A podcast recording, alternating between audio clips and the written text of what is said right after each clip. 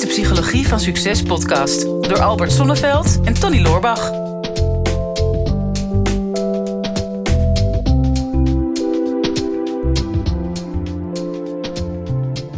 Vandaag wel een hele speciale gast, Tony. Ja, zeker. Ja, ja. Lang, lang naar uitgekeken. Ja, zeker. Wigert, Wigert Meerman. Nou ja, ehm, als mensen nog niet weten wie Wigert is, dan zou ik zeggen, zoek hem even op. Hè, maar onder andere natuurlijk eh, bekend ook wel van de eindbazen en van de Indianenverhalen, Wigert. Ja, wilde indianenverhaal. Wilde Indianenverhalen. Waar ben je bekender van, denk je? Van de Eindbazen-podcast of van de Indianenverhalen? ik, eh, ik denk wel eh, eindbazen. Dat dat wel een hele brede basis heeft gelegd. Dat mensen ooit een keer met mij in contact kwamen. Ehm, en vanuit daar ja, eh, merkte ik ook wel dat mensen het wel tof vonden waar ik mee bezig was als het ging om indianenverhalen. Dus ik durf wel te zeggen dat, dat, de- dat eindbazen de basis is geweest van eh, het indianengospel. Ja. Ja. Ja, want in Eindbazen interview jij eh, met je collega eh, Eindbazen. Ja. Of tenminste wat jij Eindbazen vindt. Ja. En mij in Albert dan. Tenminste, ben jij al geweest? Nee, maar ik heb, ik heb nog een uitnodiging liggen. Ah, oké. Misschien dat misschien na deze uitnodiging er weer een uitnodiging Jij terug bent eh, de laatste waarschijnlijk. De, de echte Eindbaas. Ja. Ik maak er een einde baas aan. Ja, en daarnaast natuurlijk veel zelf bezig geweest met persoonlijke groei. Park Ja. in de jungle in geweest. Met, eh, ja, hoe, hoe, hoe zou je dat samenvatten? Je avonturen daar.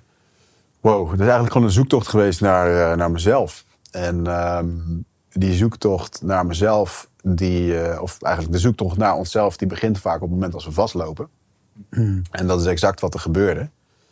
En er is iets heel grappigs wat jij niet weet. Maar toen jij bij je in Eindbazen in de studio was, toen eh, hebben we natuurlijk een leuk gesprek gehad. En toen kwam ik daarna thuis. En toen was ik echt eventjes een beetje verdrietig.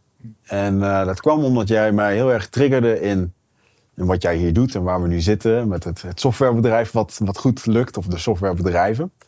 En dat was vroeger ehm, het beeld wat ik voor mezelf had: van ja, dit is, dit is wat ik graag wil. En ehm, waar mijn zoektocht eigenlijk eh, heel erg vastliep, of waar ik in vastliep, was dat ik op een gegeven moment een softwarebedrijf wilde optuigen, een investeerder had gevonden. En waarbij dat gewoon niet liep.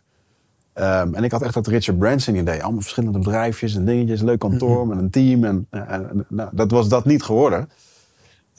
Zeg ik nog, ik ben alles daarin kwijtgeraakt. En ehm, ik denk de, de onwetendheid, de wispelturigheid in het ondernemen... die ik daarin had. En, en, en, en zeven sloten tegelijk lopen.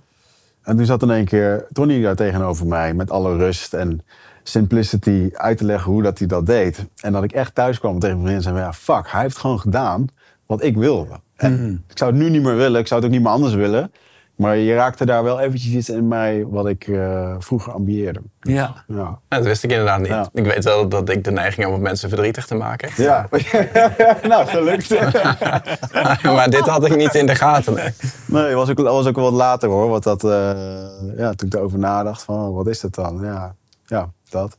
Dus, mooi. Ja, en het is een beetje, een, denk ik wel, een bekend verhaal van de westerse man die vastloopt. En ja. de vrouw waarschijnlijk ook. Hè, want nou, we kennen misschien nog wel het boek van de monnik die zijn Ferrari verkocht. Een succesvolle advocaat die uiteindelijk de Himalaya ingaat. Ja. Jij die na een zakelijke teleurstelling ervoor kiest uh, om de jungle in te gaan. Ja. Uh, ja, wat is, wat is het belangrijkste wat je daar geleerd hebt? Want ja, we hebben allemaal wel een bepaald beeld, denk ik, van jou. Uh, je gaat de jungle in. En nou ja, je hebt allerlei verhalen ook in je boek geschreven over je ayahuasca-ervaringen. Mm. Um, hè, wat ook steeds populairder is in Nederland op dit moment. Maar wat is daar veranderd voor jou? Wauw. Nou, dat is wel een hele grote verandering geweest. Een soort shift van. Uh, waar het eigenlijk echt om draait. Hmm. En ik kwam er daar wel echt achteraan dat ik dus jarenlang succesvol wilde zijn in de topsport, met meerdere bedrijven, met, ja, met, met start-ups, met dingen. Uh, ja, om, om, dat vooral naar de buitenwereld te laten zien. Hmm. En, en daar, gek genoeg, alleen, door alleen in de jungle te zijn, uh, zonder afleiding, uh, waarbij ik geen suiker en zout mocht eten en nog ook een keer veel ayahuasca dronk. En ik zat 40 dagen in de heilige ruimte, gewoon een soort plek waar niks te doen was een van de mooiste en krachtigste inzichten die ik daar had, die echt een fundamenteel verschil voor mij heeft gemaakt, is, is dat ik daar in één keer besefte dat ik gewoon onderdeel was van de jungle.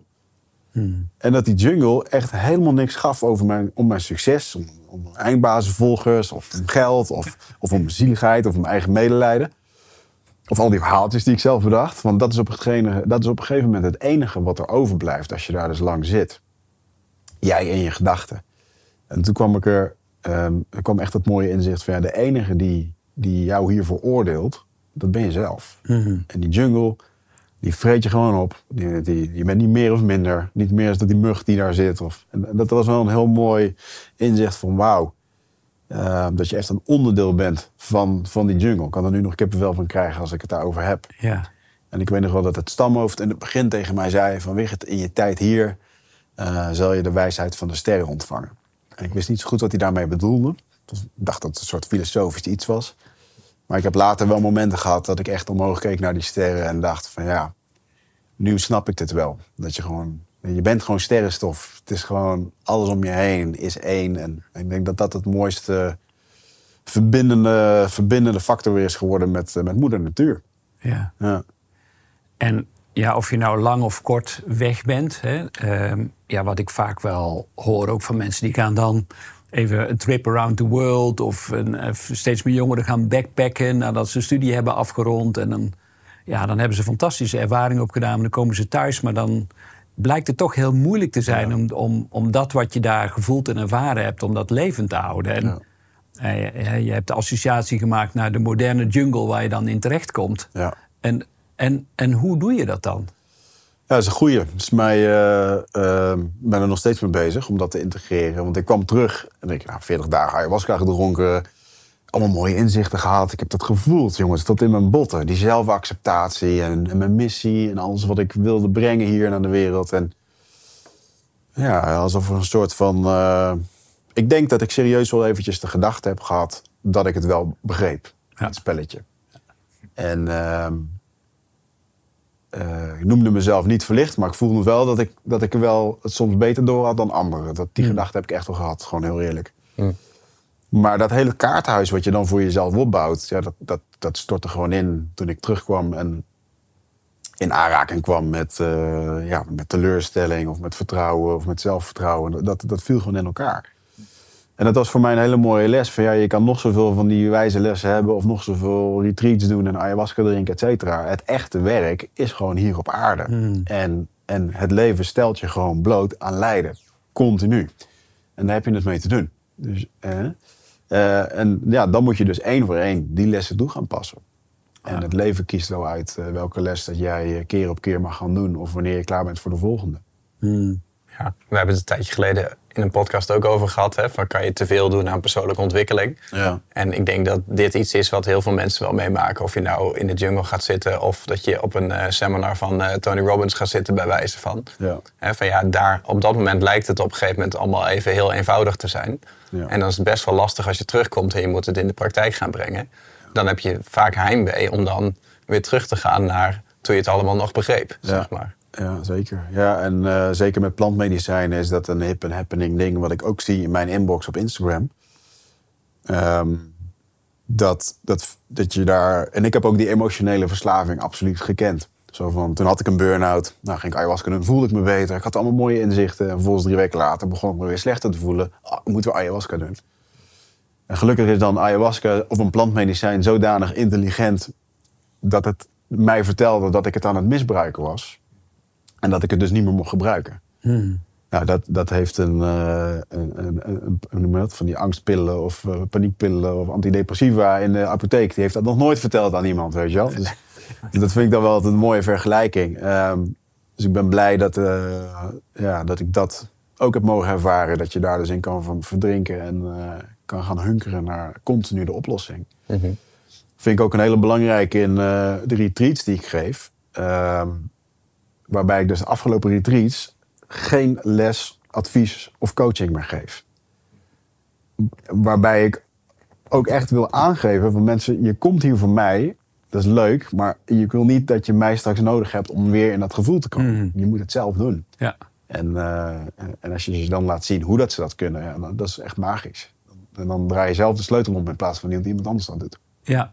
En wat zijn dan een beetje de dingen die je doet op zo'n retreat? Niet om het eh, te pitchen voor je, maar Nee, misschien ik, dat kan stiekem ik niet vertellen, wel. want het, geheim- het programma is geheim. Eh, en de belofte is dat het super oncomfortabel wordt. En, ehm, Goeie pitch. Ja, het programma is geheim. Dat is ook, ja, dat is grappig genoeg is dit mijn best lopende product. ik verkoop het ook het meest makkelijk. Hè? Ja, oké. Maar het idee is om, eh, ja, om uit het hoofd te komen en in dat lichaam te komen. Ja. En ik denk dat een hele belangrijke is in persoonlijk leiderschap.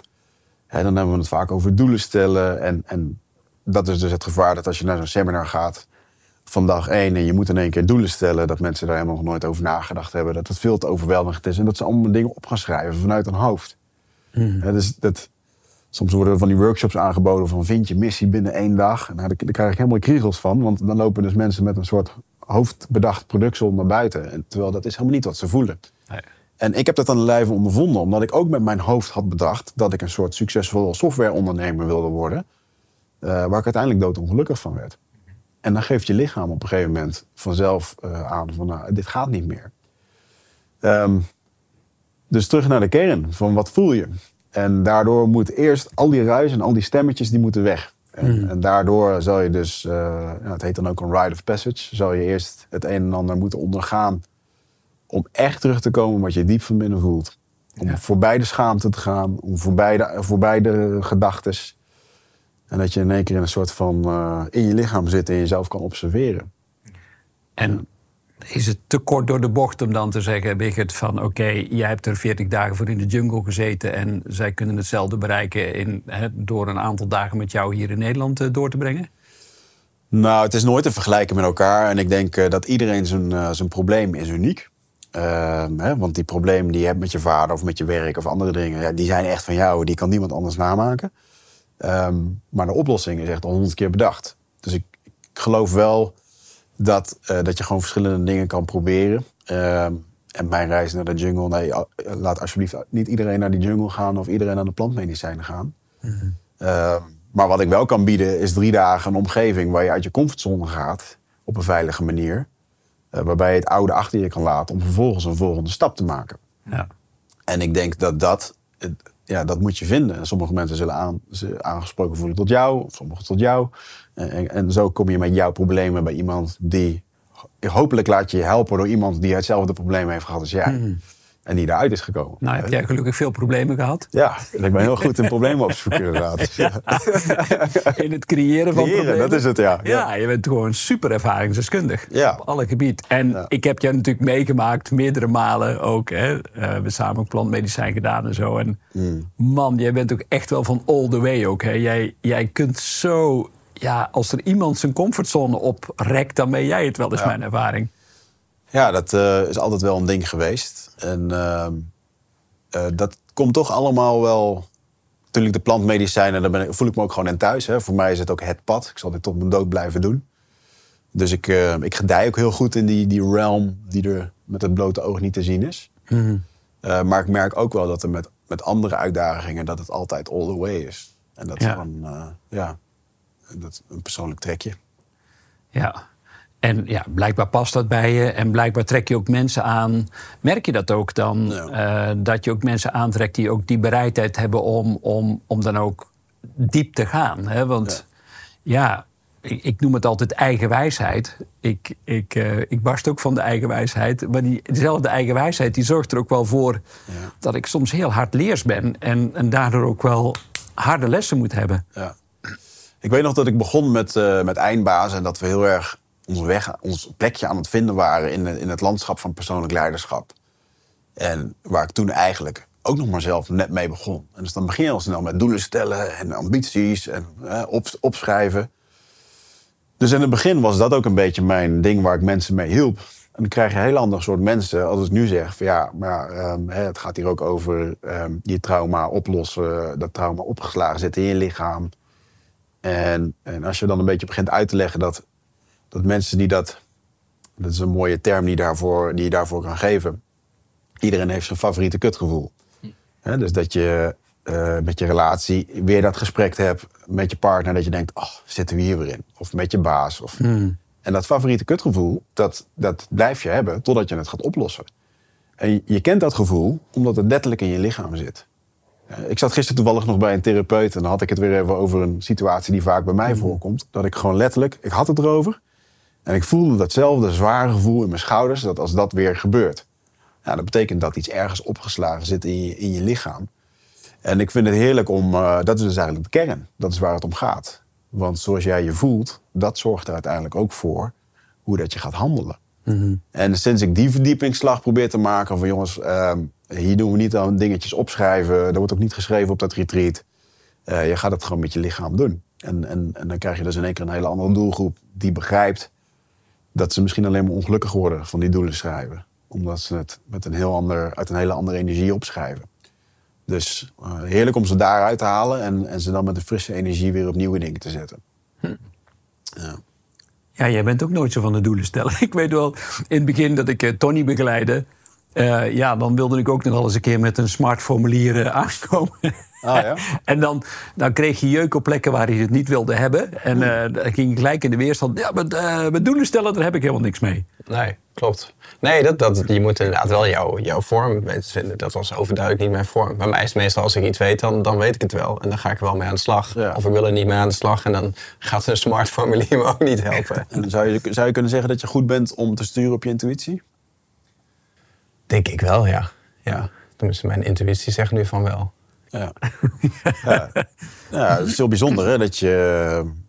Het wordt ons eigenlijk niet geleerd om om te gaan met, met onze intuïtie, met dat gevoel.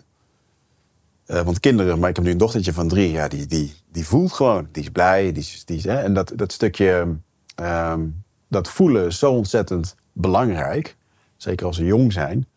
Dan heb je als kind zijn eigenlijk maar twee dingen die je echt nodig hebt. Enerzijds de hechting met je ouders, want je kan jezelf niet verzorgen, dus je hebt iemand nodig. Dus die hechting is belangrijk. En het tweede ding is expressie. Eh, huilen als je honger hebt, eh, lachen als je blij bent, blij zijn als je papa ziet. Ehm, en, en dat is waar een baby zich mee kenbaar maakt. Ehm, en waar die mee zijn ouders kan roepen. En wat er al heel snel gebeurt als we jong zijn, is dat papa een keertje zagrijnig op de bank zit. Heeft een slechte dag gehad, net ontslagen. Eh, en daar komt kleine Tony, die komt eraan en eh, die wil graag spelen. En die krijgt eigenlijk een signaal van nee, ik heb nu geen zin, ehm, eh, ehm, kan niet. En als kleintje denk je gewoon, oh, papa is boos, ehm, kan beter maar niks meer vragen. Nou, dat gebeurt als je drie jaar oud bent. En vervolgens werk je met je 35ste ergens bij een bedrijf en durf je nog steeds niks te vragen aan iemand. En Want omdat je ziet dat zo'n klein, een klein kind denkt gewoon... de hechting is belangrijker voor mijn overleven dan mijn expressie. Dan de authenticiteit. Dus gaat daar de eerste deksel op of komt er een emotioneel harnas. En, en ik denk dat dat ehm, iets is wat mensen weer opnieuw mogen uitvinden. Dus Nou, dat is wel interessant om te kijken van... Hoe weet je dan zeker of het je intuïtie is? Hè? Kijk, om dit specifieke voorbeeld. Jij vertelt nou net van... Je hebt mij geïnterviewd over die softwarebedrijven. Wat dan jouw droom was en wat dan niet is gelukt. Mij is het per ongeluk overkomen. Schaam me bijna voor om dat te zeggen. Ja. Mijn, mijn twijfel zit wel eens in... Ik heb alles vanuit, ik denk intuïtie gedaan. Daarom hield ik ook niet van doelen schrijven. Ik ben gewoon begonnen hè, en ik heb steeds gedaan wat een logische volgende stap was om het allemaal iets beter te maken. Ik heb dat ook jarenlang tegen mensen gezegd. Van ik doe al elf jaar lang hetzelfde. Maar ik probeer het elke maand iets beter te doen. Ja. En nu is het me overkomen dat ik drie softwarebedrijven heb. Terwijl ik geen lettercode kan schrijven. Ja. Dat is net als eh, spreker zijn. Eh, ik zou ook kunnen zeggen van... oh, ik eh, ben het vierde kind. Ehm, alle posities waren al vervuld. Dus om in de aandacht te komen ben ik een entertainer geworden. En nu jaren later sta ik op het podium. Maar ik twijfel of ik dat in de kern bijvoorbeeld wel echt ben. Hè, dus dus ehm, ik vind, dat vind ik nog wel interessant om, om dat te onderzoeken. Omdat jij dat ook zo zegt. Van, hè, laat het los, al die stemmetjes van wie ben je geworden, wie zou je, zou je moeten zijn. Zelfs als je de overtuiging hebt gehad dat je altijd alles vanuit intuïtie hebt gedaan. Was het dan wel echt je intuïtie? Ik zie een eh, retreat aankomen voor jou, Tony. Het, is, het is heel lastig. Het is heel, wat, een hele, wat, ik, wat ik heel erg bijzonder vind is dat wij eh, de mens, en dat is mooi voor de luisteraars die nu dit zitten luisteren of horen, dat wij alles doen omdat het een bepaalde beloning geeft. Hè? Dus ik ben hier vandaag, eh, jullie hebben mij uitgenodigd omdat dat ergens iets oplevert. Maar ook je collega die zo meteen eh, boos aan de telefoon tegen zijn vrouw doet of wat dan ook. Op dat moment maakt hij een beslissing die, die, die, dat is een soort algoritme van het leven. Dus met je angsten, met je gevoelens, met je omgeving, met de situatie, met je intelligentie, met je bewustwording. En al dat bij elkaar geeft in dat ene moment, zorgt ervoor dat jij die beslissing maakt. En dat vind ik iets heel fascinerends. Waarom jij dus hebt gekozen wat je hebt gekozen. En misschien was bij de ene beslissing een stuk zelfvertrouwen en intuïtie uh, was veel groter aanwezig dan de twijfel of de angst dat, je, dat het niet zou lukken. Want, want hoe, hoe, hoe, zag je dat in de jungle bijvoorbeeld? Want hè, als we het gaan hebben over intuïtie, ja. veel westerse mensen denken: nou, jee, maar ja, ja, je kunt ook niet alleen maar op je intuïtie beslissen, want je hebt je, je ratio en dat hebben we geleerd op de universiteit en ja. toen is het ingewikkeld. En, en als je dat verschil ziet wat je daar ervaart in die, in die communities, in die stammen, hè, bij die indigenous people, hoe ze gaan, omgaan met elkaar en met hun eigen intuïtie om in leven te blijven. En, en hoe is dat uh, jouw ervaring in deze westerse jungle? Nou, daar is ayahuasca natuurlijk het medicijn wat de stam bij elkaar houdt. De verbondenheid. En uh, verbinding is eigenlijk het synoniem voor liefde. Dus Erich Fromm, een bekende psycholoog, heeft een mooi boek geschreven... De kunst van het liefhebben. Uh, liefde is eigenlijk niet te omschrijven. Verbinding is het beste woord daarvoor. Hoe krijg je verbinding? Door dingen samen te delen. Uh, in, een, in een relatie uh, delen van gedachten, van ervaringen. En op het moment, vaak wat mannen doen, op het moment dat ze niet goed in hun vel zitten, stoppen ze met delen. In hun eigen wereld kan vrouw geen contact meer maken. En op een gegeven moment zit je op je eigen eiland. En vijf jaar later ga je uit elkaar. Um, binnen die stam, door iedere week ayahuasca te drinken, is dat echt de rode draad in hun verbinding. Want door ayahuasca raak je verbonden met jezelf. Hè? En, en blijf je dus heel dicht ook bij je intuïtie, bij je gevoel. Uh, daar is ook de ruimte daarvoor, want je mag daar gewoon doen wat je leuk vindt. En ik zeg dit nu ook nog wel eens tegen mensen die, als ik in het publiek sta, van ja,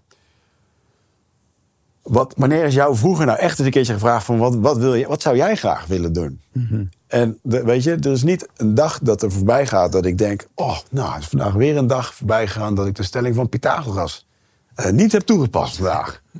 weet je, dus de dingen die ons aangeleerd worden, dat is een soort van deken uh, van ja, wat er maatschappelijk gewenst is. En als je dan in de jungle kijkt, wat natuurlijk niet te vergelijken is met onze wereld, ja, dan mag je gewoon zijn wie je bent. En, en ben jij een goede shamaan of ben jij goed in koken of wat dan ook. Ja, je mag dat helemaal zelf ook een vorm geven. Je krijgt mm. gewoon, en dat vind ik ook wel mooi, dat iedereen in die stam, hoe klein of hoe groot ook, een bepaalde verantwoording heeft. En ja, je ziet daar dat daar gewoon niemand buitengesloten wordt. En dat is echt heel mooi. En is dat dan ook de boodschap die je nu naar de westerse wereld wil brengen? Nou, ik denk dat, uh, dat het een illusie is dat wij dat kunnen uh, hercreëren. Ik denk wel dat we er heel veel van kunnen leren. En als je dus ziet dat alles in zo'n dorp in de trant staat van, van zelfheling, van zelfexploratie. Uh, om vervolgens uh, gewoon een goed mens te zijn. En dat is wel wat die mensen continu. Die, die kijken echt naar onze wereld. Van ja, Jullie kijken naar ons als wij stel wilde zijn, maar jullie zijn degene met schulden, met 1 miljoen mensen aan antidepressiva, mensen aan burn-outs. Ja, depressie komt daar niet eens voor. Burn-outs bestaat niet, weet je wel. Mhm. En, en ja, dus deze mensen hebben ook echt wel de missie om, om hun kennis uh, te verspreiden naar de rest van de wereld, omdat de wereld er eigenlijk onder leidt. Hè? Onze ecosystemen, onze natuur, onze. Ja, je ziet het gewoon aan onze mentale gezondheid. Dus ik, ik hoop zeker dat ik de, ja, de inheemse wijsheden hier uh, een beetje door kan laten sijpelen. Mm -hmm. en, uh, en natuurlijk helpt het daarbij dat ik juist uit dat hele andere vak kom, weet je wel? Van, ja. van succes en erkenning en geld. Want, want, hoe zou je dat vertalen naar uh, de moderne wereld zonder ayahuasca? En zonder jungle? Ja, nou, wat ze, wat ze in de jungle heel mooi doen, is dat ze heel veel tijd spenderen met zichzelf. Dus uh, je hebt daar heel veel rituelen, rite of passages, een overgangsritueel. Dus als daar een meisje bijvoorbeeld voor het eerst menstrueert, dan doet ze een bepaald ritueel waarbij ze alleen is in het bos om, om echt die vrouwelijkheid te omarmen. Ze zit een heel gedachtegoed achter. Um, uh, op een gegeven moment, als je oud genoeg bent, dan word je ingewijd. Een soort spirituele inwijding. Um, als je shaman wil worden, ga je een paar maanden het bos in. Uh, net zoals dat ik bijvoorbeeld zo'n dieet daar heb gedaan om ja, om een soort, uh, om eigenlijk een oud iets achter, te, achter me te laten. En um, het stukje zelfexploratie, erachter komen wie je bent, wat je wilt en hoe dat je dat gaat doen, ja, daar zijn deze mensen gewoon heel erg veel mee bezig. Plus de verbinding die zij hebben met de natuur. En op het moment dat je beseft dat er een wereld is die je niet met het blote oog kan zien, Maar waar je wel heel erg mee in contact staat. eh, Mede dan dus door hè, de psychedelische ervaring. Maar goed, die zijn, er, die zijn er in heel veel andere vormen ook in andere culturen. Ja, dan besef je in één keer dat je een groot onderdeel bent. Een klein onderdeel bent van een heel groot iets. Waardoor je ook gelijk veel meer geduld, vertrouwen en overvloed kan, eh, kan ervaren. En eh, dat je gedragen wordt door iets groters. En ik denk dat dat heel veel mensen, dat- ja, dat dat essentieel is en dat heel veel mensen dat missen hier. Denk je dat dat altijd een psychedelische ervaring zou moeten zijn? Nee, helemaal niet. Het kan ook een goed gesprek zijn of een, eh, of een mooie ontmoeting. Of een, eh, ehm, ik denk dat alles gebeurt met een, eh, met een reden. En psychedelica kunnen heel veel doen. Voor mij heeft het heel erg gewerkt, want nou, we hadden het zo straks over die extreme. Ik moet ook die extreme ervaring hebben om daar mijn lessen uit te halen. Ik vind dat mooi, ik vind dat ergens, vind ik dat leuk. Misschien is dat een verhaal wat ik mezelf vertel, maar ben er, ehm, en ik denk dat, eh, dat iedereen voor zich een methode moet bedenken om af en toe eens ja, om, om, om uit je eigen koker te komen en, eh, en tot nieuwe inzichten te komen. Ja. En eh, voor sommige mensen is dat al een gesprek met een coach of inderdaad een retreat of, of inderdaad ga alleen backpacken. Of jarenlang vechtsport, wedstrijden doen, heeft voor mij de grootste spirituele groei gezorgd toen ik van mijn 21ste tot mijn 28ste. Ga er maar zes weken voor trainen. Ga er maar, en kom er teleurgesteld thuis omdat je de eerste wedstrijd eh, in twee minuten verloor. Ehm, en dat, dat zorgt ervoor dat je groeit. Ja, het is wel grappig, want persoonlijke ontwikkeling. ehm, je kan dat ook gewoon letterlijk zien als het, als het, het ontwikkelen, het afwikkelen of het minder ingewikkeld maken. Ja. Wat je in, in zekere zin ook zegt van hè, of je alleen op reis gaat of terug in de jungle ingaat. Van ja, je ontwikkelt net zo lang, dus je wikkelt net zo lang alle randzaken af. Ja. Tot dat alleen je persoon overblijft. Ja. Dat zou eigenlijk de kern van persoonlijke ontwikkeling moeten zijn. Om erachter te komen van wie ben je als persoon Ja. in de kern. In plaats van wie ben je geworden. En kan ik alles wat ingewikkeld is geworden door de jaren heen er weer van afhalen. Ja, ja echt het, on, het ontleren inderdaad. Ik denk dat je... Ik denk dat er heel veel mensen... Het is mooi dat als je jong bent, dan wil je dat plekje veroveren. Je wil gezien worden voor allerlei redenen die jij hebt. Ehm, en vervolgens ben je op dat plekje. Kom je erachter dat dat het niet is. En dat is heel grappig. Er komt op alle niveaus komt dit voor. Want eh, er komt bij mensen die 21 zijn en die dan een HBO-diploma hebben... en dan in één keer beseffen van, oh, oh, is dit het dan? En, en een andere grap is, is dat ik nu, ik kan de naam niet noemen, maar ik heb nu een, een, een topsporter waar ik potentieel mee ga werken. Die echt alles heeft bereikt, hoe en wat. eh, en die 250.000 euro per maand verdient. En er nu achter komt dat dit het niet is. Ja. En die nu een volgende stap wil maken naar, ja oké, hoe kan ik een beter mens worden? Voor me, Ja. voor me in de relatie of in de, ja, in de relatie met mijn kinderen. En dat is bizar, hè? Dat gewoon. eh, dat is, ja, je- nou, stel dat ik naar jou zit te kijken met je bedrijven, terwijl jij ook gewoon je eigen struggles en je eigen dingen hebt. En, Tony en- inmiddels niet ja. meer hoor. Die heeft alle antwoorden al eh, te pakken. Ik heb het boek gelezen. Of nog, nog En, eh, en ik kijk ook altijd weer met, met een grote glimlach naar jou in ceremonies. Met hoe weinig dat je zegt, maar met hoeveel je kan zeggen met een paar woorden. En eh, dat is een hele mooie gave die, eh, die Albert goed heeft. Ja. goed in de vingers heeft. Ja, dankjewel. Als je nu, want je hebt een hele reis achter de rug en hopelijk nog een hele reis voor je. Ehm, uiteindelijk om jezelf te ontwikkelen, eh, alles wat ingewikkeld is eh, van je af te schudden. Wie, wie ben je inmiddels in de diepste kern voor jezelf nu? Ja, dan voel ik me toch wel heel erg eh, thuis in het shamanisme. Mhm. Gewoon, eh, ja, die- ik ben nog lang geen shamaan. Maar ik voel wel dat het die kant heen wil, dat ik daar opgetrokken word. En dat, dat heeft er gewoon mee te maken met, eh, ja, toch de, een hele mooie, een hele mooie gezegde die, eh, die ze doen aan het begin van de ceremonies, waarbij de shamaan de ayahuasca zegent en dat hij dan altijd vraagt van, eh, of, of dat het medicijn ons naar het licht wil brengen. Eh, naar het astrale, waar we de antwoorden en de wijsheden kunnen vinden om zelf te helen. En om de helende liederen te ontvangen, die ze dus zingen tijdens de ceremonies.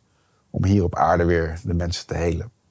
En ik denk dat, eh, ja, als ik nou gewoon mag kiezen waar ik echt lekker mee bezig wil zijn, eh, dan, dan zet ik gewoon lekker muziek te spelen de hele dag thuis en dan ben ik daarmee bezig om dat te ontwikkelen. Ja. Ja. En ergens mag je dat ook kiezen. En er is nog iets wat je nog tegenhoudt erin. Nee, ik, ik kies dat wel, maar goed, we hebben, hè, nogmaals, je hebt het hier wel op aarde te doen. Ja. Dus eh, ik heb ook nog een hele hoop andere ambities. Ik weet ook heel erg dat ik mijn boodschap wil verspreiden. En, en, en, en die ceremonies, dat, eh, dat zijn de kers op de taart. Dat kun je natuurlijk niet altijd doen. Ehm, dus eh, het is prima om 90% van mijn tijd hiermee bezig te zijn. Het verspreiden van de boodschap op allerlei manieren.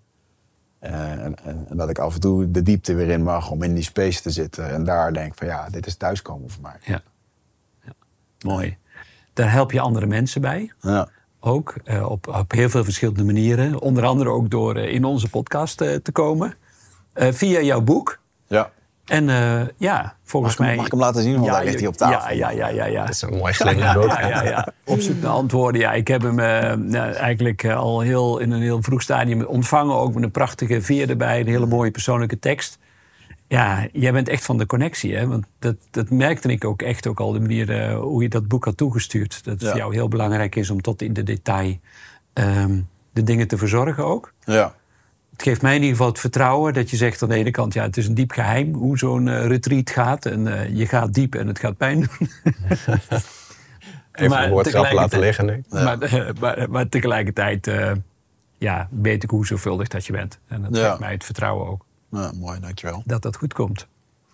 Ja, en, en er komt nog meer, hè? Want eh, Ja. volgens mij... eh, Ja, voordat wij... eh, want we gaan natuurlijk een paar boeken weggeven. Want dat doen we met elke gast. Maar heb jij nog een eh, afsluitend gouden inzicht? Of je denkt van, nou, dat had ik nou zo graag willen vertellen in dit gesprek... voor de Psychologie van Succes luisteraar. Nou, ik heb wel een heel mooi... Want ik ben natuurlijk... Ik heb een boek geschreven, maar ik kan er weer eens schrijven over, eh, over de inzichten die ik heb tijdens ceremonies. En ehm, onlangs had ik een heel mooi inzicht. Eh, mijn moeder die, eh, die kreeg borstkanker. Die, belde mij op een, eh, op een dinsdag. Veel weer, ik kan donderdag niet oppassen. Vind je dat erg? Toen dacht ik, ja, maar ik heb twee podcasts. Ja, vind ik wel vervelend. Maar wat is er dan? Zei ze, nou, ik heb net te horen gekregen dat ik borstkanker heb. Het is mooi hoe mijn moeder zichzelf dan opoffert ook om zelfs dat nog even. Hè? Ehm, het is natuurlijk ontzettend, eh, ja, wauw. Het is in één keer helemaal zo'n soort van spasme van shit, dat wil je helemaal niet. En ehm, zoals met veel dingen ga ik dan toch de type in en eh, drink ik dan de Kool-Aid om eh, tot antwoorden te komen. Ehm, en natuurlijk wilde ik een soort van antwoord hebben van ja, en eh, nee, ze wordt beter, bla bla bla. En uiteindelijk bleef het medicijn me continu zeggen, een soort mantra, alles leidt tot iets beters. En eh, liet me gewoon heel de middag daarover nadenken. En kwam uiteindelijk tot de conclusie dat het feit dat het nu al zo vroeg ontdekt is bij mijn moeder, betekent dat ze geopereerd kan worden, betekent dat ze waarschijnlijk beter gaat worden. Op het moment als het al zover uitgezaaid zou zijn, dat betekent dat het lichaam het niet meer kan dragen. En is het eigenlijk beter dat de, de geest het lichaam verlaat het feit dat wij nu de wereld aan het vervuilen zijn en dat we daar eh, dingen mee zien wat fout gaat, dat zorgt ervoor dat we een soort van wakker kunnen worden en dat kunnen gaan herstellen. Alles leidt tot iets beters. Stel dat we dat niet doen, dan betekent dat eigenlijk dat wij als mens niet met de aarde kunnen omgaan. En is de aarde eigenlijk beter af zonder ons. En dat gaat dan ook gebeuren, waardoor de aarde weer kan herstellen. Hè? Dus uiteindelijk leidt dat ook weer tot iets beters. Dus v- in welke situatie dat je nu ook zit en hoe pijnlijk en moeilijk dat het ook is, uiteindelijk leidt alles tot iets beters. nou, mooi. Mooi gezegd. Fijn dat ik deze vraag nog stel op Ja. het einde. Ja. Ja, mooi inzicht. Ehm wij gaan jouw boek weggeven. Drie mag je er weg. Ja, ja, dus drie keer dit boek, niet drie bo- boeken. Aha. Drie keer dit boek, Drie keer ja. dit boek. Ja, het is een flinke pil. Echt, eh, ja, het is nog dikker dan ons boek, joh. Echt een kilo knaller. Ja, maar ik heb wat ik gezegd, ik heb gekozen voor dik papier. Dus het zijn maar 200, het zijn 80, 85.000 woorden, dus het valt mij. Ja, dat valt wel mee. Daar eh, skim je zo doorheen. Ja, op zoek naar antwoorden. Verhaal over innerlijke vrede. Gaan we er drie van weggeven. Dus als je zit te luisteren, eh, haast je naar eh, ons YouTube-kanaal, naar deze video. En als je al op YouTube zit, dan ben je al op de juiste plek. Dus laat even reactie achter.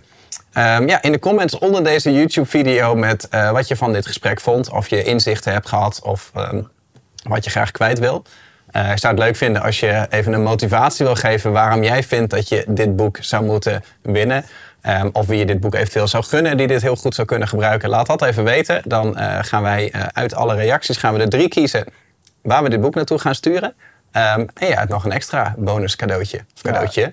Ik zat nog een beetje op de spring, maar wij vergeten, Ja. wij vergeten. Nee, nee, nee. Nou, ehm, ehm, waar ik mensen mee, in de kern mee help, is met het vraagstuk: ehm, wie ben je, wat wil je en hoe ga je dat doen? En eh, daarvoor heb ik een online training ehm, gemaakt, The Journey. Die start eh, aan het begin van, eh, van januari met een nieuwe lichting. acht weken lang, waarbij je ja, de diepte ingaat met mij en jezelf. En daar gaan we niet aan het begin van die cursus doelen stellen. je kan het gewoon thuis doen, je hoeft er geen gekke dingen voor te doen. Het gaat ook geen pijn doen. af en toe wel een beetje ongemakkelijk want het is natuurlijk wel een beetje het doel dat, uh, dat als je de opdrachten doet, dat er soms dat je het gevoel hebt dat er een soort kiezeltje in je schoen zit. Zo van shit, hier moet ik wat mee. Mhm. Ehm, die cursus kost 1000 euro en ik wil er graag eentje weggeven. Nee man, ja. wauw, dat is wel een vette prijs. Daar moet de volgende interview, eh, de geïnterviewde maar overheen kunnen. Ja, precies. precies. Ja. Super, hartstikke fijn. En wat moeten mensen daarvoor doen? Wat vind je leuk? Goeie vraag. Ehm, wat vind ik leuk? Nou, dan ehm, vind ik het misschien wel, ehm, wel leuk om. Uh, laat mensen maar in de reacties onder YouTube schrijven. Ehm, wat, wat, het, wat het moment is geweest in hun leven. Hmm. Wat, wat een moment in hun leven is geweest waarbij ze de beslissing voor zichzelf hebben gemaakt dat ze het anders gingen doen. want vaak als ik vraag van wat is een succesmoment, kom je met allemaal verhalen. Ja, maar bedrijf dit of dat. Nee, jouw succes, succesmoment was dat je ergens diep in de put zat. En dat alles lastig was. En dat je daar in dat moment de beslissing maakte van nu moet ik dit gaan doen. En dat heeft eigenlijk alles veranderd. Mm. En dat zijn ook de momenten die, die inspireren. Want dat geeft voor anderen heel erg het, het idee en het gevoel van wauw, eh, ik zit nu in die situatie, maar schijnbaar kan dat toch anders. Dus uh, mooi als mensen dat moment willen delen op, uh, ja. op YouTube. Wow. Ja, dat is veel beter dan wat ik zei. maar ik ben verder niet competitief hoor. Jullie kunnen mij ook inhuren als host, hè? Ja, ja, ja, ja, uh, dankjewel. Ja, ja, een stuk beter. Ja, gewoon overnemen. Ja, ja. ja, nee, gaan we dat doen. Dus ja, uh, nou heb je helemaal een extra reden om naar YouTube te gaan. Uh, laat uh, je antwoord op deze vraag even achter. Dus wat was het moment in je leven dat jij besloot om het anders te gaan doen? En hoeveel je daarover wil delen? Daar inspireer je natuurlijk ons en anderen mee. Dan gaan wij uh, natuurlijk sowieso drie boekwinnaars daaruit kiezen. En één gelukkige die het programma The Journey gaat winnen. Het waarde van 1000 euro. En vanaf januari lekker met jou en zichzelf aan de slag gaat. Ja, en we zijn er nog niet, want ehm, we gaan ook nog een, de diepte in met jou, hè, met, een, met een speciaal webinar nog. Ja. Um, wanneer, eh, wanneer uh, wordt dat? Uh... Overmorgen. Overmorgen al. Als we live gaan met dit ja. interview, dan is overmorgen is het 9 december. 9 december. Ja, ja. Kijk, stiekem even een spiekbriefje. En dan, acht uur, geloof ik. Ja, ja om acht uur. Nou ja, en dan, uh, ja, dan kunnen ze nog meer persoonlijke vragen stellen, denk ik ook. Hè? Want je, ja. je, gaat het hebben over het overleven in deze moderne jungle waar we in zitten. Ja, zeker. Ja. Uh, vol met uh, metaforische slangen en krokodillen. Ja. Um, en ja, jij, jij hebt eh, in allebei de werelden gestaan en sta je nog. Ja. Um, dus ja, ik denk dat jij enorm ervaringsdeskundig bent op dat gebied. Lijkt me heel gaaf om samen met jou die, die moderne jungle te gaan verkennen. Mooi. Uh, die metaforen te gaan herkennen in mijn eigen leven. Ja, en uh, lekker de diepte in te kunnen gaan. Dus ik kijk er enorm naar uit. Ja, even snel aanmelden, want ja, het is al uh, over, over twee dagen. Hè, dus ja. We zijn erbij. Mooi. Hartstikke gaaf. Leuk, dankjewel. Wigert, super dankjewel dat je hier naartoe wilde komen. We zijn uh, heel blij. En ja, op een of andere manier, mij heeft het geraakt. Er waren echt momenten dat ik denk, wow, dat, uh, er zit de diepgang in die ik ook heel graag zie in mezelf en ook in andere mensen. Dus dankjewel, dankjewel voor je komst hier naartoe. Dankjewel voor de vriendschap. Dit is de Psychologie van Succes podcast door Albert Sonneveld en Tony Loorbach.